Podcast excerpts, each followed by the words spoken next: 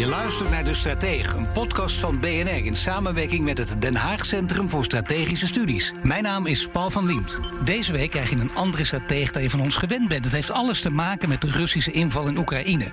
Vanuit meerdere richtingen heeft Rusland de aanval op Oekraïne geopend. Het land wordt overal getroffen. In een extra nieuwsuitzending spreekt Mark Beekhuis onder meer met oud-commandant de strijdkrachten Tom Middendorp en met Lotje Boswinkel, strategisch analist van het Den Haag Centrum voor Strategische Studies. Tom Middendorp, u was natuurlijk ooit de strijdkrachten. Zullen we ja, bij het begin van de dag beginnen? Hoe hoorde u het? Wat dacht u? Ja, ik denk zoals iedereen het hoorde. Hè, bij het opstaan uh, via het nieuws. Uh, alhoewel mijn telefoon al een paar uur eerder afging door allerlei media die me graag wilden interviewen. Uh, maar ja, de eerste reactie is natuurlijk een, toch wel een schok. Ook al zie je dat alle ja. signaaltjes op rood staan. Ook al weet je dat dit kan gebeuren dan nog is het wel een schokkende werkelijkheid. Is, ja, is het toch nog een schok? Want je zou denken, professionals die houden hier rekening mee dat dit kan gebeuren met deze meneer. Ja, we houden er wel rekening mee, maar we proberen het natuurlijk ook te voorkomen. En met z'n allen waren we toch meer gericht op een meer gematigd scenario... waar we met diplomatieke en economische middelen proberen tot een oplossing te komen. En als daar ineens een hele grote sprong voorwaarts wordt gemaakt naar een escalatie toe... dan is dat toch wel schokkend. En die verrassing, kunnen we daar goed mee overweg? Ik denk dat het een soort wake-up call was voor het Westen. Dat dit zomaar midden in Europa kan gebeuren. Mm -hmm. En dat we terug onze veiligheid wat serieuzer moeten nemen dan we tot nu toe hebben gedaan. En daar ook niet te naïef in moeten zijn. Uh, dat soort lessen die moeten we hieruit trekken. Lotje Boswinkel, hetzelfde. Vanmorgen toch nog verrast, want jullie zijn bij HCSS bezig met de ontwikkeling van modellen, scenario's. Hoe kan het zich ontwikkelen? Ja, uh, dat klopt. En dit was zeker een scenario dat er tussen stond, maar niet wat ik had verwacht. Dus ik schrok eigenlijk vanochtend wel heel erg. Want was dit de, het extreemste waar je denkt, nou ja, een theorie moet wat opschrijven? Uh, ja, voor als je, ja, als je het houdt bij een conflict tussen Rusland en Oekraïne, zat dit aan de, aan de extreme kant. Ja. En, oh, kan, het nog hef, kan het nog heftiger? Uh, laten we daar. Nou, nou ja, de vraag dringt zich nu aan me op, omdat dit, dit was al meer dan we hadden gedacht en meer dan we wilden, wilden denken. Ik denk dat Poetin wel de laatste weken heeft laten zien dat hij ons altijd weer kan verrassen. Uh, maar voorlopig wil ik eigenlijk niet speculeren over verdere escalatie. Maar escalatierisico's zijn er natuurlijk altijd. Ja, toch, die, die scenario's maak je natuurlijk niet voor niks. Dat is omdat je wil weten hoe het misschien hierna kan gaan gebeuren. Precies. Uh, en dat is dan misschien wel toch een beetje speculatie. Of nou nee, dat is in kaart brengen wat er kan gebeuren. Waar, waar moeten we rekening mee houden op het ogenblik? Uh, nou, wat we eigenlijk vandaag hebben gezien, of sinds vanochtend, is een aanval uh, vanuit meerdere kanten, van het noorden, oosten, zuiden. Uh, met name in eerste instantie om het luchtoverwicht te krijgen. Dus met name raketaanvallen vanuit de Zwarte Zee, vanuit Belarus, vanuit, sorry, vanuit Wit-Rusland en Rusland. op met name militaire infrastructuur. Uh, dus dan heb je het over command and control posts, over wapendepots, over uh, op radarsystemen. Om zo eigenlijk uh, tegenaanval van de Oekraïners ons ja, frustreren. te frustreren. Ja. dus dat heb je gezien. En je krijgt nu ook de eerste bericht dat als je eenmaal het luchtoverwicht hebt bereikt, dat je dan vervolgens dus ook via de grond um, um, en gesteund door bijvoorbeeld helikopters. Um, zo uh, er tegenaan kan. Uh, maar ik ben wel een beetje huiverig om heel erg te, uh, diep in te gaan op wat er precies gebeurt. Want er is natuurlijk extreem. Ik bedoel, de Russen zijn. Ja enorm er is ook een goed in Ja, er is ook zeker een informatie. En je krijgt berichten en die worden vervolgens weer weerlegd. Um, maar ja, je ziet dus nu een, ja, in heel Oekraïne luchtaanvallen. Wat er gebeurt nu, uh, meneer Middendorp, is dat wat u het, het ziet het er logisch uit wat er nu gebeurt? Het ziet er, voor mij ziet het er allemaal heel beheerst en overdacht uit, namelijk. Ja, ik denk enerzijds is het uh, voorbedacht. Je ziet dat er heel veel pionnen al lange tijd uh, klaar waren gezet om dit spel te gaan spelen. Zowel strategisch als operationeel. Poetin heeft natuurlijk ook China achter zich weten te krijgen. De kant van Wit-Rusland uh, is erin betrokken geraakt. Uh, daar zijn troepen gestationeerd. Uh, de cyberpotentieel is, is ingezet. Uh, troepen die zijn waarschijnlijk helemaal geïnfiltreerd. Dat zijn van die jargonwoorden wat ik zo snel niet herken. Ja, dat zijn een soort, uh, laat ik zeggen, groene mannetjes, zoals we in het verleden wel eens gehoord hebben. Die helemaal infiltreren in de bevolking. Maar die gewoon ter plekke sabotageacties kunnen uitvoeren. Uh, en zo zijn er heel veel van die pionnen op plaats gezet. En dat, dat suggereert wel een soort voorbedacht scenario. Van de andere kant is uh, Poetin, voor zover ik hem kan inschatten, hè, want we proberen allemaal in zijn hoofd te kijken, uh, is het wel iemand die ook opportunistisch is. Hè, die ook kijkt van hey, hoe ontwikkelt de situatie zich, hoe reageert het Westen, welke kansen doen zich voor. Kan goed uh, en daar dan inspringt. Ja. Maar hij heeft wel een, een, een, agenda en een doel waar hij heen wil. Ja, zeker. Ja. Lijkt het. Ja, ik denk dat voor hem belangrijk is. Ja? Oh. Komt er een geluid op uw koptelefoon bij? Dan halen we dat weer weg als het goed is. Ja, dank u. Uh, ik denk dat voor hem uh, belangrijk is dat hij... Uh, en dat heeft hij de, de laatste tijd in zijn framing wel gezegd... eigenlijk een fout uit het verleden wil rechtzetten. wat er in het verleden, hij is totaal niet eens met wat er is gebeurd. Dat die landen, een aantal van die landen een zelfstandige status kregen. Zoals Oekraïne, Georgië, Wit-Rusland en zo zijn er meer. Uh, en daar is hij helemaal niet blij mee. Dat vindt hij echt een strategische fout. En ik denk dat hij ook de geschiedenis wil ingaan als een leider die dat uh, in ieder geval heeft geprobeerd recht te zetten, maar waarschijnlijk ook gewoon recht zet. Uh, dus dat, dat is voor hem belangrijke. En daarmee kan hij denk ik ook weer een soort buffer creëren naar het Westen toe. Want dat is voor hem ook strategisch belangrijk. Dat, hij, dat die landen, die Oekraïne en Wit-Rusland, dat dat niet uh, westerse landen gaan worden, waardoor het Westen echt aan zijn grenzen staat. dus hiermee creëert hij weer afstand. En dat is denk ik een tweede doelstelling. En een derde is toch denk ik ook wel dat hij weer gewoon op het wereldtoneel wil staan. Hij wil gewoon weer meedoen met uh, een, een, tellen in het wereldtoneel en uh, erkend worden als een speler. Ja. Bernard Hammelburg, wij kijken graag in het hoofd van meneer Poetin, terwijl dat natuurlijk helemaal niet kan. Tenminste, terwijl dat echt heel lastig is, misschien beter te zeggen. Herken je dit? Zijn dit overwegingen die allemaal logisch klinken. Het lijkt mij een buitengewoon plausibel verhaal. en wat uh, ik in elk van mezelf kwalijk, kwalijk, neem, is dat ik. Uh, want ik, ik heb net. had het over die scenario's. Ik heb ze hier allemaal keurig op een rijtje staan. Dat, we, dat ik mezelf verwijt daar te, te, weinig rekening mee heb gehouden. Je hebt gewoon het middelste scenario gedacht. Dat nee, nee, nee, ik was naïef in die zin dat ik dacht. Um, eh, hij vindt de, de, de, afspraken die zijn gemaakt bij de onttakeling van de Sovjet-Unie een ramp. Dus, maar de grootste ramp is Oekraïne, want dat is echt Rusland. En ik dacht steeds, als we, als we nou maar goed ons best doen om te laten zien dat, uh, dat we Oekraïne in principe wel eh, bij de NAVO zou willen opnemen, maar dat, dat er echt helemaal geen sprake van is dan dat dat gebeurt. Dat hij dat voldoende argument vindt om uh, af te zien van uh, die oorlogsplannen. Dat is vo vo vo volledig fout, zat ik daar. Ja. Dus want dit, ik denk dat dit, ook als je ziet hoe het strategisch wordt uitgevoerd, echt heel lang en zorgvuldig is voorbereid. Dus niet, dat, dat, dat is niet al, aldoende ontstaan. Ik ben helemaal geen militair, u bent dat wel. dus u kunt dat beter beoordelen dan ik. Maar mijn idee is dat zoiets, daar is echt een lang uitgewerkt plan voor nodig. En dat voert hij nu uit. En wij staan erbij en we kijken ernaar. Ja, hoe kunnen we het eigenlijk? Want we, er zijn hier allemaal mensen met verstand van zaken... die dat allemaal op de voet volgen, zo in de loop van de tijd. Uh, we maken scenario's en toch toch op de een of andere manier lukt het ons niet om dit aan te voelen komen. En meer dus niet nou, alleen het zeggen, het is een van de vijf scenario's. Maar gewoon denken, het gaat, gaat gebeuren. Ja, maar dat, dat heeft ermee te maken dat je probeert altijd van te denken, zeker in dit soort dingen, vanuit een soort logica. En dit is niet helemaal logisch. Uh, wel logisch was, vonden, vonden een heleboel mensen, ook een aantal NAVO-landen vonden dat, die, uh, die Russische eis dat Oekraïne bij wijze van spreken geneutraliseerd zou worden, mm. politiek of gefinlandiseerd, zoals Macron het noemde. Ja. Uh, dat, dat, konden we, dacht, dat vonden we ook een heleboel van ons eigenlijk niet onredelijk. Dat begrepen we dan allemaal. Khrushchev kwam uit Oekraïne, de, de Russische kerk is daar ontstaan. Er allerlei redenen om te zeggen, ja, dat is echt een intrinsiek onderdeel van het oude Rusland. Daar hadden we er nog wel begrip voor. Maar dat hij echt van plan was om het land terug te nemen. En dat is hij volgens mij aan het doen. Daar had ik, ik, ik had er niet aan gedacht. En het stond wel keurig netjes in de scenario's. Ook van HCSS. Ehm, dus ik, uh, ik, En wat, wat voor mij geldt. Eh, de enige bij mijn weten die het juist heeft voorspeld. was Joe Biden. Dat moet je hem nageven. Dat is de enige die gewoon heeft gezegd: dit gaat gebeuren. En dat gebeurt ook. Ja, nou, dankjewel. We gaan naar Conor Klerks update vanuit het Kremlin, begrijp Vanuit het Kremlin, inderdaad. Ja, toch een belangwekkende um, update vanuit het Kremlin. Want Moskou zegt bereid te zijn met Kiev te onderhandelen over de overgave.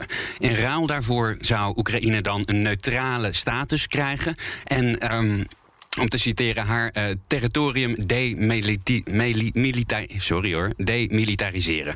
Dat horen van uh, de perschef van het Kremlin, Dmitri Peskov. En hij zegt dat tegen Russia Today, tegen RT. Het, uh, het klinkt als een soort offer you can't refuse, maar dan wel in de meest mafioze zin van het woord, toch? Nou, het, uh, klinkt, het klinkt als de laatste stap in het plan, namelijk regimeverandering. Ja. Want dat is waar Poetin op uit is, volgens mij. Dat blijkt nou wel. En als je het op deze manier formuleert, dan krijg je precies wat je wil. Dan kun je het ook rustig een neutraal land noemen, want het hoort alweer bij jezelf. Ja, maar daar, daar kan toch. Nou ja, moet je ja. daarop ingaan? Uh, met Moskou onderhandelen over regime change? Wisseling van de macht? Um, nou, kijk, hij, hij, heeft het hier over demilitariseren. Ik denk als je een land demilitariseert, maar daar kan Tim Middendorp ongetwijfeld meer over vertellen. Maar Aha. volgens mij heb je dan geen soevereine staat meer. Want is nee. een van de beginselen van uh, ja, je eigen grondgebied kunnen verdedigen. Moeten we hierover met Poetin praten? Uh, we hebben heel erg ingezet, zeker vanuit Europa, uh, maar vanuit de hele NAVO, op praten met Poetin. En um, daar ben ik ook zeker een voorstander van. Um, maar ja, ingaan op eisen die eigenlijk um, ja, weinig waard zijn. Um, dat, daar, Mag je overgeven en anders dan slaan we je in elkaar. Dus dit, is over, dit is een eis tot overgave. Ja. Daar moet je toch niet moeilijk over doen. Dit is gewoon, hij eist dat oh ja, Oekraïne zich overgeeft. Ja. ja. Oké, okay. lees ik er te veel in, meneer Middendorp? Ik... Nee, ik ben het daar wel mee eens. En we hebben dit natuurlijk vaker gezien de laatste periode. Hè? Ook de eisen die hij aan de NAVO heeft gesteld. Dat de NAVO alle troepen uit de, de oostelijke lidstaten zou moeten weghalen. Ja, dat zijn gewoon hele irrealistische eisen. Ja. Dus meer window dressing dan dat het echt iets betekent. Het is, het is PR. Ja. Of propaganda naar keuze. Ja, en ondertussen gaat hij gewoon door. Hè? Dus het, het, koopt ook vaak tijd en ruimte. En hij kan laten zien, zie je wel, ik ben uh, ook diplomatiek. Hè? Ik probeer ook diplomatiek een oplossing te vinden. Uh, maar het zijn in feite eisen waar niemand mee akkoord kan gaan. Oké, okay, we gaan even naar Dave Maasland. Die is van een IT-beveiligingsbedrijf. En dat is natuurlijk belangrijk, want een groot deel van deze oorlog begon en gaat op het ogenblik ook nog steeds via het cyberdomein aan de vallen op banken. En trouwens niet alleen in Oekraïne, maar ook in een aantal Baltische staten. Daar moeten wij het straks hier in de studio ook nog over hebben, denk ik. Goedenavond, Dave Maasland van Asset. Goedenavond, hallo. Wat zien jullie op het ogenblik gebeuren als jullie op de monitoren kijken? Ja, we natuurlijk sinds gisteravond uh, hebben we natuurlijk die, uh, ja, die zogenaamde wiper malware gezien. Dus dat lijkt een soort volgende stap. In ieder geval is dat, zijn dat computervirussen die echt gemaakt zijn met één enkel doel. Het uh, kapot maken van systemen, dat computers niet meer op kunnen starten, et cetera. Nou, dit herkennen we natuurlijk wel wat eruit in 2017 ook is gebeurd de, de, de NotPetya aanval. Nou, het lijkt ook dat dit soort aanvallen doorgaan op dit moment. Uh, als je kijkt naar ook wat onze con-collega's, die ook uh, samen met ons onderzoek doen hierna, uh, zeggen van ja, dit raakt ook IT-bedrijven, het raakt luchtvaartbedrijven, et cetera. Ja, en wat we natuurlijk inderdaad gezien hebben in die 2017, dat ja, een, het gericht was in die tijd op Oekraïne, maar zich verspreiden naar veel landen. Ja, dat is natuurlijk een scenario waar, waar men wel naar kijkt op, op dit moment. En gisteravond kwamen er berichten naar buiten, en volgens mij zijn die er nu weer, uh, dat het dus niet alleen Oekraïne is wat onder vuur genomen wordt op cyberwijze, maar ook een aantal Baltische staten. Is dat nu ook weer zichtbaar? Ja, wat er toch op, uh, op lijkt is dat uh, Symantec, een ander beveiligingsbedrijf, die heeft inderdaad de malware waar wij ook voor waarschuwden. Dus die zeer gevaarlijke malware ook gezien in uh, Litouwen en Letland. daarop systemen bij bedrijven. Het opvallende aan deze aanval is ook dat als je de analyse doet, dan lijkt het er toch op dat de aanvallers al sinds november binnen zaten. En eigenlijk ervoor gekozen hebben om het gisteren pas ja, echt te lanceren, op die knop te drukken en te zeggen, ja, maar nu maken we het bedrijf stuk. Dus dat geeft ook wel aan dat er echt wel een mate daarin van, van voorbereiding zit. En inderdaad zijn die dus ook in die twee andere landen... zijn dat soort uh, type aanvallen waar, uh, waargenomen. Weten we officieel waar het vandaan komt? Ik bedoel, er komt natuurlijk nooit een hacker die zegt... ik heb het gedaan hoor. Nou, ik vind het gewoon een, een, terechte vraag. Kijk, als je natuurlijk technisch aan onze beveiligingsbedrijven vraagt, hebben wij geen enkel technisch bewijs dat dit direct gelieerd is aan Rusland. Sterker nog, dit soort malware, dit soort aanvallen, ja, het, helaas in het digitale domein is het mogelijk dat allerlei mensen hierdoor olie op het vuur uh, gooien en dit, dit kunnen doen. Kijk, natuurlijk als je naar de spanningen kijkt, is het extra opvallend. Maar we weten het niet. En het echt het vervelende van cyber is, ook als je het hebt over aanvallen van andere landen. Ja, in hoeverre kan je met een cyberaanval echt zeggen, uh, dat artikel 5 geloof ik hoe het heet. Ja, ga maar eens bewijzen dat daadwerkelijk Rusland achter die aanval zat. Dat is gewoon niet makkelijk en daar moeten wij denk ik als beveiligingsbedrijf niet over speculeren. Maar wel heel duidelijk zijn dat de impact van dit soort aanvallen ja, gewoon absoluut gigantisch uh, kan zijn. Bernard? Ja, ik, ik had één vraag. Uh, dat houdt me altijd bezig bij dit soort verhalen. Het klinkt alsof Rusland daar briljant in is en China trouwens ook. En als, alsof wij als een hondje met de pootjes omhoog hoog op de rug liggen. Is het niet zo dat wij dit ook allemaal kunnen en ook allemaal doen? Nou, om, op feiten natuurlijk te baseren, zonder dan, er hoeven we namelijk geen fantasieverhalen bij te halen, maar gewoon te kijken naar het verleden. Natuurlijk die hele 2017 aanval, daar zit natuurlijk wel een interessante paradox in. Men gebruikte daarom daar heel snel heel die wereld te kunnen besmetten, een zogenaamde ja, kwetsbaarheid in een stuk software die ontwikkeld was door de NSA.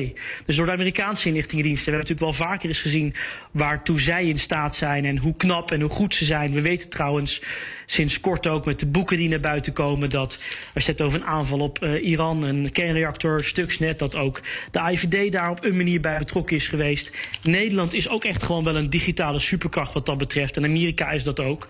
Dus laten we niet naïef zijn dat daar niets gebeurt in, uh, in, in die ruimte. Maar uh, dit soort operaties in daglicht, ransomware, dat lijkt toch vaak zich inderdaad wel te richten op landen als Oekraïne en, en het Westen. Meneer Middendorp, dat het ook NAVO-landen zijn die aangevallen worden? Met dit soort uh, cyberaanvallen. Ja, dat is natuurlijk niet een artikel 5 meteen waar je terecht komt. Uh, een aanval op één is een aanval op alle. Maar hoe serieus moeten we dat nemen? Hoe ernstig is dat? Ja, zeer serieus. Ik ben regelmatig in de Baltische Staten geweest. En, als je die verhalen hoort van hun, dan worden ze eigenlijk constant geconfronteerd met indoctrinatie, met uh, uh, allerlei vormen van beïnvloeding via de media, maar ook met, met cyberaanvallen. En het is inderdaad heel lastig dat te allokeren naar Rusland toe. Zo handig doen ze dat dan wel. Uh, maar dat maakt het niet uh, minder uh, ontwrichtend. Nee. en dat maakt de mensen ook niet minder bezorgd. Hè. Dus je ziet nu met name de oostelijke lidstaten toch wel heel nerveus worden over wat er in Oekraïne gebeurt. En het is niet voor niks dat vandaag in de NAVO-bijeenkomsten daar ook wel uh, om hulp hebben gevraagd. Ja, want vandaag is artikel 4 ingeschakeld, net de fase daarvoor. Hè? Uh, dat je nog niet zegt we moeten verdedigd worden, maar we moeten wel vergaderen. Dat is een consultatiefase door uh, Polen, geloof ik, aangevraagd. En daarna is ook de, de NRF, de NATO Response Force, in gereedheid afgebouwd. Oftewel, je moet er sneller kunnen reageren. Ja. Nog even terug naar Dave Maasland. hoe ver kan het gaan? Ik bedoel, kan je alle verbinding met Oekraïne uitschakelen? Of is dat dan toch weer te, te hoog gegrepen?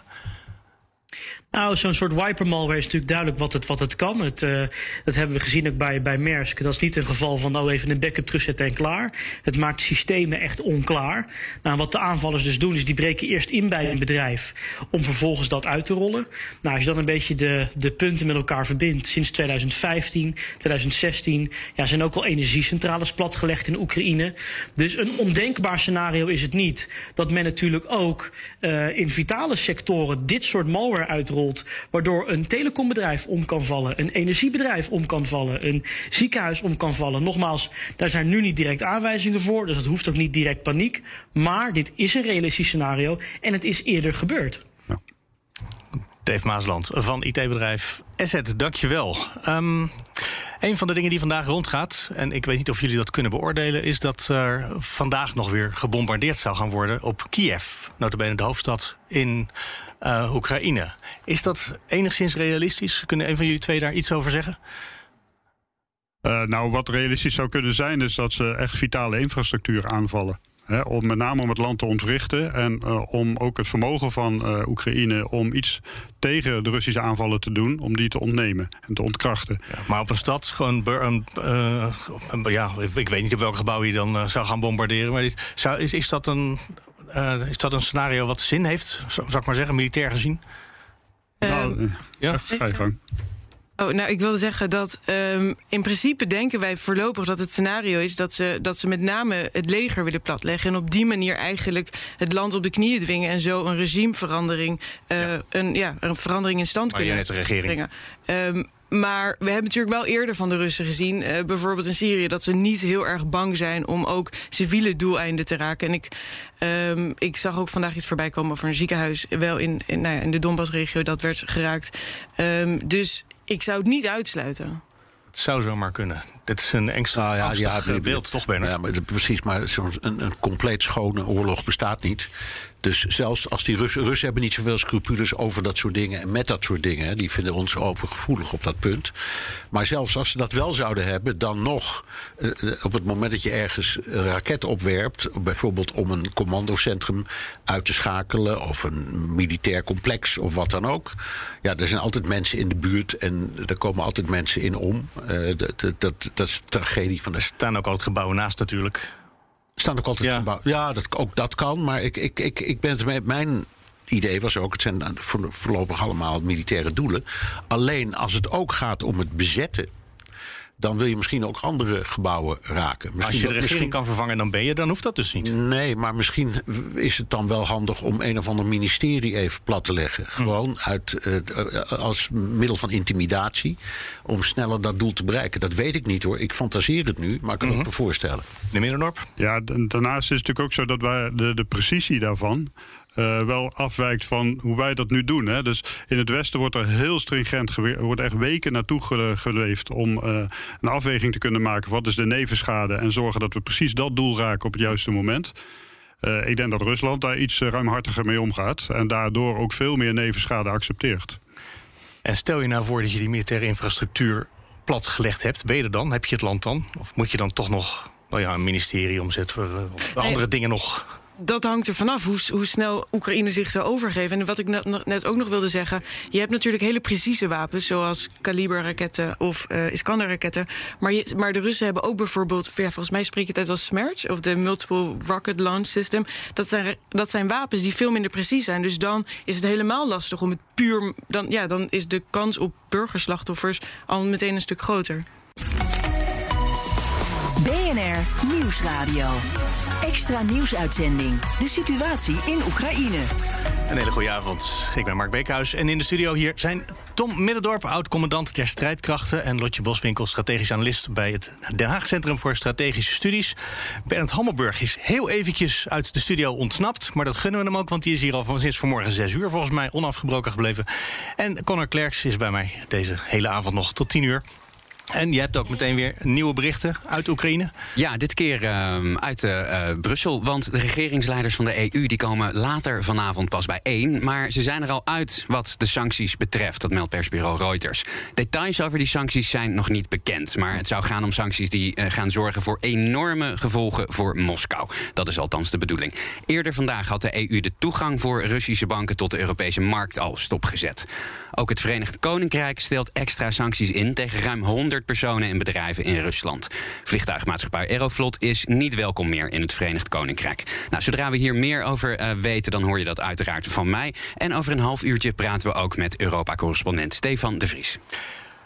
Losje Boswinkel. Uh, een sanctiepakket wat heel erg zwaar wordt.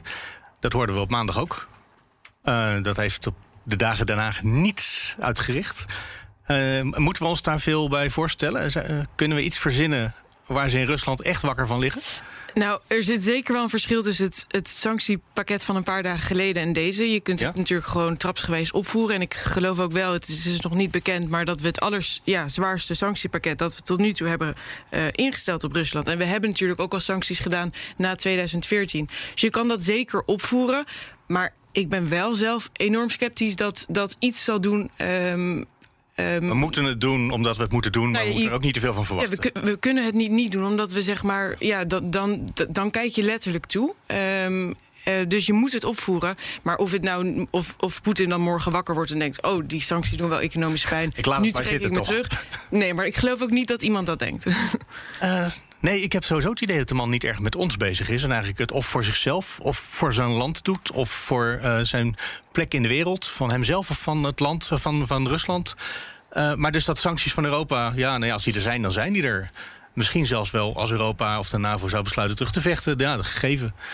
Ja, nou, ik denk wel dat Poetin met ons bezig is geweest. Ik bedoel, hij heeft niet voor niks een ijspakket in december op tafel gegooid. Ja, voor zowel de Amerikanen en de NAVO. Ja, maar ik denk ook wel dat zijn probleem niet alleen met Oekraïne is, maar met de veiligheidsarchitectuur die we in Europa hebben gebouwd met de NAVO. Ehm, en ja, misschien te weinig met de beetje Rus. over ons. Eh, ja, dus het gaat ook zeker over ons. Maar inderdaad, de, de sancties die, die moeten we doen. Ik hoorde trouwens wel dat het waarschijnlijk niet de meest, de aller, allerzwaarste, dat bijvoorbeeld SWIFT volgens mij nog niet, toch niet op tafel ligt. Eh, en dat we. Ja, dit ligt wel op tafel, maar ik las. Oh, nee. Ja, wat, wat zijn er voor zaken waar die logischerwijs op tafel liggen? En oh, we weten niet of die er wel of niet doorheen komen vanavond. Nou, je kunt natuurlijk. ehm, eh, ja, eh, SWIFT, dat is het bankensysteem. Precies, dan- Dus dan, dan- kan je dan- zeggen, Rusland kan niet meer met Europese zaken, eh, met banken handelen. Precies, je kunt hem de, ja, de, de toegang tot de Europese kapitaalmarkt, of nou ja, Amerikaanse kapitaalmarkt, kun je ontzeggen. Je kunt persoonsgebonden sancties doen. Ehm, volgens mij willen we die voorlopig nog niet op Poetin zelf doen. Ook om op die manier ehm, toch de hoop, dan, dan daar blijkt dan toch dat er ergens nog een beetje hoop we is. dat we nog met naïef zijn, hè? Ja, dat, nou ja, dat we toch nog een, een, een lijntje open houden. Wat misschien. Uiteindelijk denk ik wel dat je ook in dit soort situaties... je moet hard straffen en heel duidelijk een grens trekken... maar de, communi- maar de communicatie willen openhouden...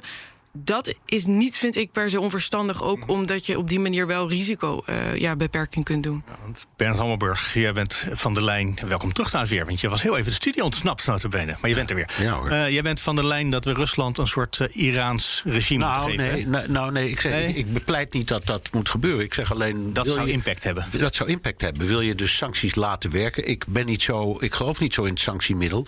Maar tegelijkertijd heb ik voor die hele discussie enige sympathie. Omdat wij fatsoenlijke mensen zijn in een fatsoenlijk deel van de wereld. En als er zoiets boosaardigs gebeurt, hebben we de neiging om te straffen met iets wat ja, dat. Ja, precies. Moeten we, iets. moeten we straffen of moeten we proberen eh, Rusland of meneer Ja. Poetin zelf, want dat is nog niet helemaal hetzelfde, eh, weer de goede kant uit te, eh, te pushen?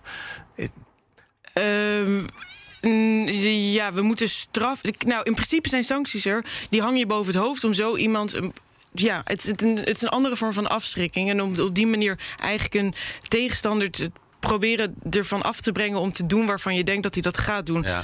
Ehm, dus wat dat betreft. Ja, de middel om te- je probeert te overtuigen. Je probeert de andere kant te Ja, overtuigen. dus het is geen straf, Het het is puur- allemaal het is, een eh, variant, op, lanceren. variant op van, Klaus, van Clausewitz. Maar het zijn allemaal vormen van onderhandelen. Uiteindelijk. Hè, die dan misschien leiden tot de meest extreme vorm. Dat is dan. Het onderhandelen dan- met dan- eh, tanks dan- eh, door de straten. Ja, precies. dat voelt niet als onderhandelen meer, hè? Nee, en, en om terug te komen knikt op eh, wat, minzaam nee, dat is niet hetzelfde. Nee, nou goed, maar het- even terug te komen op, op die, wat ik dan noemde de, de, de Iran-variant. Ja. Dat is dat je het land echt helemaal boycott, compleet. Dus je maakt het, het heel moeilijk voor ze om olie te exporteren. Je gaat patrouilleren in de zeeën. Ehm, je, je, eh, d- daar zijn ze ook al over aan het onder, onderhandelen met Japan en Korea en eh, ehm, eh, al andere leveranciers om bijvoorbeeld de technologie eh, eh, te- te blokkeren, de import van technologie in, door Rusland. Ehm, je kunt Gewoon echt helemaal isoleren je van kunt, je kunt Ja. Boeing en eh, Airbus verbieden om reserveonderdelen eh, naar Aeroflot te sturen. Nou heeft Aeroflot ze niet meer nodig, want ze mogen niet meer vliegen, begrijp ik inmiddels. Althans niet. Maar goed, Nou, niet naar van- Engeland in elk Nee, geval. maar goed, maar bij wijze van spreken, dat zijn keiharde sancties. Echt, dat zijn hele harde. Want als je dat doet, dan staat over zes weken de complete vloot van Aeroflot aan de grond. Die kan niet meer vliegen. Nee, dan moet af en toe moeten dat dingen natuurlijk vervangen Moet, worden. Nou, dat is met Iran ook gebeurd. Eh, en dat, dat, dat, dat hakt erin. En dat uiteindelijk. Dan moet Poetin in zijn eigen land in ieder geval iets uitleggen. Ja, en dan, en dan nog iets wat Ja? ook heel belangrijk is, vind ik. Dat is de psychologie van de Russen. Ik weet niet hoe goed jullie ze allemaal daarmee bekend. Ik, ik, ken, het, de, ken Rusland tamelijk goed. Ze hebben een onvoorstelbaar incasseringsvermogen. Ze zijn bereid om de meest vreselijke lijdensweg te ondergaan. ten behoeve van de Rodina, het moederland. Dat zit heel diep in de Slavische ziel, zal ik maar zeggen. Ehm, en ze ehm, zijn ervan overtuigd dat wij, het is omgekeerd in hun ogen, in de ogen van veel Russen, dat wij een diepe haat koesteren tegen Russen. En tegen die achtergrond moet je ook zien hoe ze reageren op de actie van hun eigen president, maar ook op het effect van sancties. Want het bevestigt hun beeld van ons.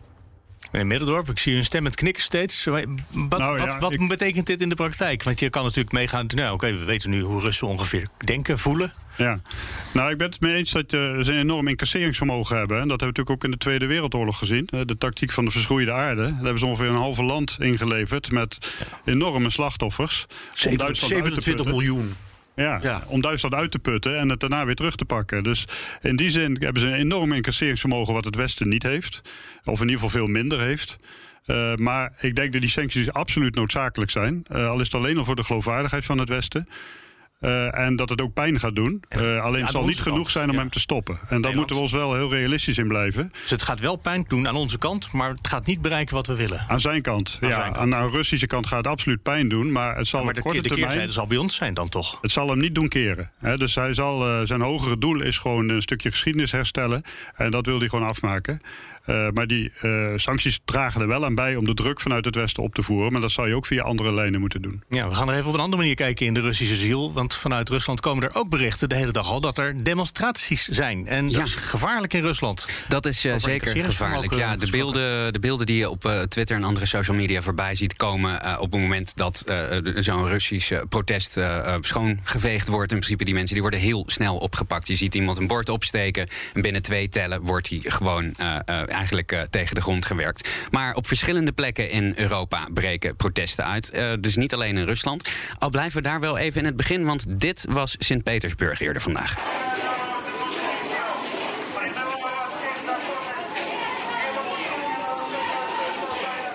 Daar waren daar enkele honderden mensen uh, te zien op de beelden daar in de straten. Hetzelfde gebeurde ongeveer in de stad Novosibirsk. Dat is meer richting het oosten van Rusland. En ook in de hoofdstad Moskou gingen veel mensen de straat op. Onder meer uh, een bekende Russische mensenrechtenactivist, Marina Litvino.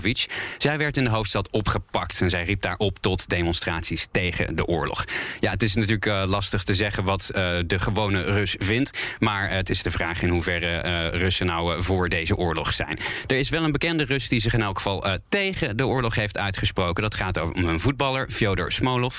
Hij is Russisch international en hij heeft in Nederland nog uh, bij Feyenoord gevoetbald. Op zijn Instagram heeft hij een zwarte afbeelding gepost met de tekst No to War. Met een gebroken hart erbij. En de vlag van Oekraïne. Ja, ik zag ook dat inmiddels uh, Kasparov boos was dat we al die jaren niet naar hem geluisterd hadden. Dus dat klopt, ja. Hij heeft uh, ook nog wat aanbevelingen. Daar kunnen we het straks wel over hebben als je wil. Ja, daar, ja heb je ze zo paraat? Ik niet namelijk um. Dus als je me één seconde geeft, dan kan ik ze wel bijpakken. Uh, daar, gaan we, daar gaan we anders zo op verder. Misschien moeten we eerst nog eens even kijken wat Nederland op de opening kan doen. Uh, meneer Middendorp, uh, want wij hebben bijvoorbeeld vandaag twee vliegtuigen, twee F-35's, richting, ja, niet richting Oekraïne gestuurd. Want wij gaan daar niet vechten. wat, wat gaan we doen? Ja, we gaan vooral het, de oostflank van de NAVO versterken. Want er zijn natuurlijk heel veel lidstaten die uh, met ledenogen zien wat er in Oekraïne gebeurt. Die dat zelf ook hebben meegemaakt in het verleden. Die de reële dreiging vanuit Rusland iedere dag nog voelen. En die zich daar enorme zorgen over maken. En ik heb zelf in de militaire comité's in de NAVO daar heel wat discussies over gehad. Dat ze echt vinden dat wij dat niet serieus genoeg nemen. En daar toch zwaarder op moeten inzetten. Uh, en ik denk dat vandaag de discussie daar ook over is gegaan. En dat daarom ook uh, is besloten om meer troepen naar de oostflank te brengen. Om daar in ieder geval een, een duidelijke lijn te trekken van stop hier. Ja. Kunnen we meer dan twee vliegtuigen sturen? Het is meer. Het is meer, maar het is, dit is toch wel het grootste stuk van wat we doen? Of begrijp ik dat Voor Nederland. Ja? ja? voor Nederland. Ja, vanuit Nederland. Het is natuurlijk een, een, breed NAVO-pakket. En ja. uh, het gaat ook om wat je uit een NRF, zo'n NATO Response Force, uh, beschikbaar wil stellen en kan stellen. En wie er op dat moment ook aan de beurt is daarbinnen. Dus binnen NAVO wordt daar gewoon een verdeling gemaakt. Maar het gaat om het gezamenlijk. Moet u onderbreken, want we gaan naar de president van Amerika, meneer Biden. Without provocation, without justification, without necessity. This is a premeditated attack. Vladimir Putin has been planning this for months, as we've been saying all along. He moved more than 175,000 troops, military equipment, and positions along the Ukrainian border. He moved blood supplies into position and built a field hospital, which uh, tells you all you need to know about his intentions all along. He rejected every good faith effort the United States and our allies and partners made to address our mutual security concerns through dialogue to avoid needless conflict and avert human suffering. For weeks, for weeks, we have been warning that this would happen. And now it's unfolding largely as we predicted. In the past week, we've seen shelling increase in the Donbass, a region in eastern Ukraine controlled by Russian backed separatists. Rus- the Russian government has perpetrated cyber attacks against Ukraine. We saw a staged political theater in Moscow, outlandish and baseless claims that Ukraine was, a, Ukraine was about to invade and launch a war against Russia, that Ukraine was prepared to use chemical weapons, that Ukraine committed a genocide without any evidence. We saw a flagrant violation of international law in attempting to unilaterally create two new so called republics on sovereign Ukrainian territory. And at the very moment that the United Nations Security Council was meeting to stand up for Ukraine's sovereignty, to stave off invasion, Putin declared his war. Within moments, moments, missile strikes began to fall on historic cities across Ukraine. Then came the air raids, followed by tanks and troops rolling in. We've been transparent with the world. We've shared declassified evidence about Russia's plans and cyber attacks and false pretexts so that there could be no confusion or cover up about what Putin was doing. Putin is the aggressor. Putin chose this war, and now he and his country will bear the consequences. Today, I'm authorizing additional strong sanctions and new limitations on what can be exported to Russia. This is going to impose severe cost on the Russian economy, both immediately and over time. We have purposely designed these sanctions to maximize the long term impact on Russia and to minimize the impact on the United States and our allies. And I want to be clear the United States is not doing this alone. For months, we've been building a coalition of partners representing well more than half the global economy. 27 members of the European Union, including France, Germany, Italy, as well as the United Kingdom, Canada, Japan, Australia, New Zealand, and many others, to amplify the joint impact of our response. I just spoke with the G7 leaders this morning, and we're in full and total agreement. We will limit Russia's ability to do business in dollars, euros, pounds, and yen to be part of the global economy.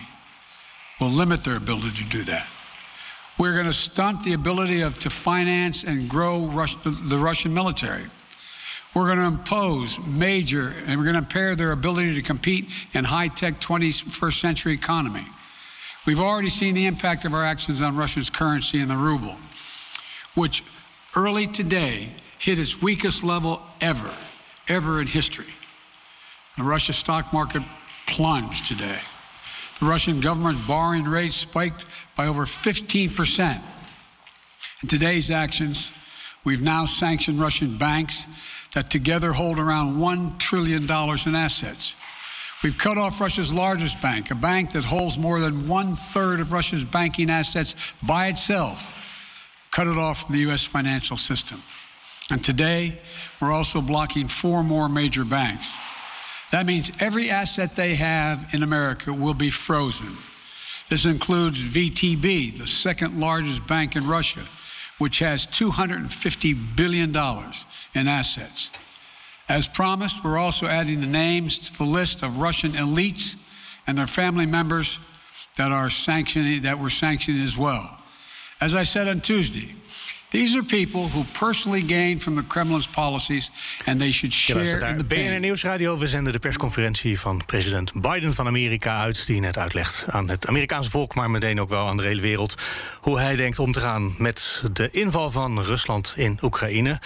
Bernard Hammelburg, jij bent natuurlijk heel erg met eh, Amerika verbonden. Maakt dit eh, naar Amerikaanse eh, begrippen impact?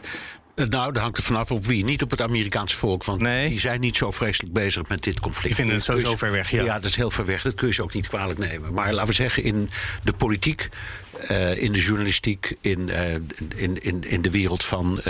het- Wat we van Amerika mogen verwachten. Is dit Ja, ja, eh, ja. zwaar of weinig? Nee, dit, is, dit stelt niet zo verschrikkelijk veel, Nee, hè? veel voor. Nee, Oké. vind ik ook. Ik, ben, ik, ik schrik een beetje. Want De export van een aantal zaken wordt moeilijker. Export wordt Eh, er lastiger. gaan vier banken dicht. Ja, gaan vier banken dicht. Het wordt lastiger, maar niet onmogelijk. mogelijk om te handelen in yen, euro's en dollars en, en ponden. Eh, er waren al twee banken die eh, werden afgesloten voor verkeer met Rusland. Dat worden er nu zes in totaal, als ik het goed begrijp. Eh, en dat is het Ja. zo- zo'n beetje. Ehm, wat ik wel heel belangrijk vind, en dat vind ik het thema, dat, dat, doet, dat doen de NAVO-leden echt, vind ik. Nou, ik, het is een fout woord in dit, deze context, maar bijna elegant. De manier waarop ze voortdurend elkaar aanvullen in de stelling: wij doen dit samen en we zijn het met elkaar eens. Dit is één blok dat zich verzet tegen een idioot. Hè? Dat is het standpunt. En het is bij de NAVO, meneer Middendorp, ik overdrijf niet, wel eens lastiger geweest hè, om tot één, De afgelopen tot jaren. tot één standpunt te komen. En dat is op zichzelf ook belangrijk. Omdat je, misschien is dat dan wel belangrijker dan die sancties. Belangrijker dan de inhoud dat we eensgezind om- zijn. Ik denk dat die boodschap ook wel overkomt hoor, bij Poetin. Het is echt de hele Westen. Hij heeft het over de hele wereld. Dat is typisch Amerikaans. Is natuurlijk onzin, want China doet niet mee. Maar de hele westerse wereld is wel één blok nu. En dat is niet onbelangrijk. Tom. Nee, dat is zeker belangrijk. Maar dat is ook wel de ervaring eh, die we de afgelopen jaren hebben. Iedere keer als het erop aankomt, zijn we één blok. Als er wat minder op aankomt, als de drukte vanaf gaat, ja, dan gaan we meer met de nationale agenda's aan de slag. Maar op het moment in de missies merk ik dat ook. We werken soms met 30, 40 landen samen. En dan heb je eigenlijk geen competentiestrijd. Dan zijn we gewoon samen met één klus bezig. En dat is denk ik ook de kracht eh, van de NAVO. Eh, en ik denk dat het ook van belang is, en daarom eh, roepen ze dat ook allemaal, dat we hier die cohesie uitstralen, dat we die gezamenlijkheid uitstralen. Dat zie je in de EU ook. Dan zie je ook landen die heel sceptisch zijn over de EU nu toch aan boord komen en daar meer gezamenlijkheid uitstralen. En dat vergroot ook de geloofwaardigheid van die sancties. Ja, of maakt het dat we niet de allersterkste sancties kunnen instellen... omdat we ook altijd nog, nou ja, of Engeland of Rusland... of nee, Rusland niet, of Amerika mee moeten krijgen... of het is een van de Europese landen die misschien Hongarije. Ja, dat hou je altijd. Ja. En eh, het is altijd geven en nemen in dat spel. Maar als, hoe meer gezamenlijke noodzaak wordt gevoeld, hoe meer landen bereid zijn daar verdergaande stappen in te zetten. We hebben even naar president Biden geluisterd. We gaan eh, naar Brussel. Conor Clerks, gaan niet weer naar Brussel? Oh, ik dacht dat we bijna naar Brussel gingen. Dan gaan we dat nog niet. Gaan we zo doen. Ja, eh, want eh, onze eigen premier, Mark Rutte, zou daar zo rond deze tijd aangekomen moeten zijn. En dan is het natuurlijk goed om te horen hoe hij zijn vergadering ingaat. En of hij vergelijkbare dingen zegt als meneer Biden. We hadden het net, voor we onderbroken werden door de president, over de vraag wat Nederland misschien nog aan kan bijdragen aan de strijd daar. En dan de strijd aan Oekraïne, daar kunnen we natuurlijk sowieso niks aan bij doen, want dat is in NAVO-verband besloten. Kun- Kunnen wij nog iets inzetten ja, vlak tegen de grens van Oekraïne, wat we nog niet doen? Kun- Kunnen ik- opschalen? Ik denk dat we dat nooit nationaal moeten doen. Dat ga je altijd doen samen met de NAVO, EU. Of mocht er een coalitie ontstaan, ja, dan kan je ervoor kiezen om in zo'n coalitie mee te doen. Om een actie uit te voeren waar niet alle landen het over eens zijn.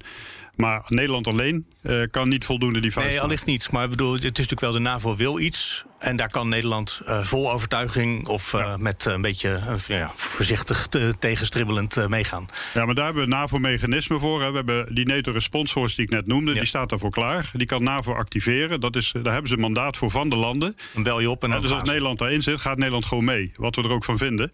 Hè, dat is dan het, het NAVO-besluit. Ja.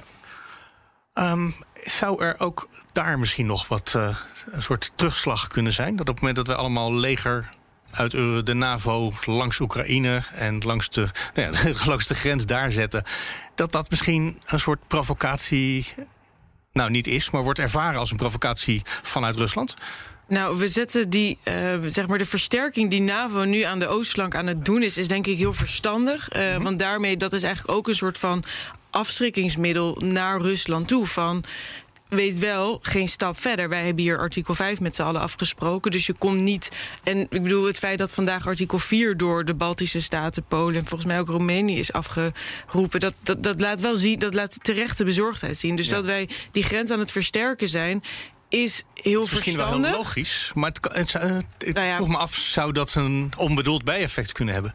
Nou, ik weet zeker dat NAVO-troepen er alles aan doen om te zorgen dat eh, dat niet gebeurt. Dat daar niet eh, bewegingen worden gezien als, als aanvallend. Ehm, er wordt ook altijd, altijd benadrukt, wij zijn een defensief bondgenootschap.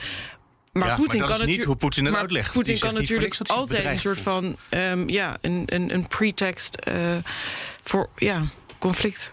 Nou, dat is natuurlijk een verschil hoe hij het ervaart en hoe hij het gebruikt. Ja. Eh, Dat is ook nog waar. Hè, dus hoe hij het ervaart is, eh, ik denk dat hij een man is die spierballentaal eh, snapt. Hè, maar hoe hij het uitlegt, is dat het, dat het hem bevestigt van zie je wel, dat Westen, hè, daar moeten we ons tegen verdedigen. Dus hij gaat het in de media tegen ons gebruiken. Uh, alleen het is wel een, uh, een stap uh, die hij al veel eerder had verwacht, denk ik. En die hij snapt. Ja. Als heel kort nog, Bernard. Ja, heel kort. Je moet ook even kijken naar de, de, de Russische burger.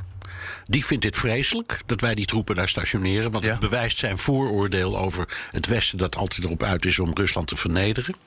Maar te- tegelijkertijd ook de geruststelling voor de NAVO-partners in dat deel van de wereld. Want die krijgen dus steun op het moment dat ze het benauwd krijgen. En zo hoort het. Daarvoor zijn ze lid geworden. Ik ga jullie allemaal hartelijk danken. Tom Middendorp, oud-commandant der strijdkrachten. Lotje Boswinkel van het Den Haag Centrum voor Strategische Studies. En eh, Bernard Hammelburg, BNR Buitenlandcommentator. Tot zover de speciale uitzending van de Stratege over de Russische inval in Oekraïne.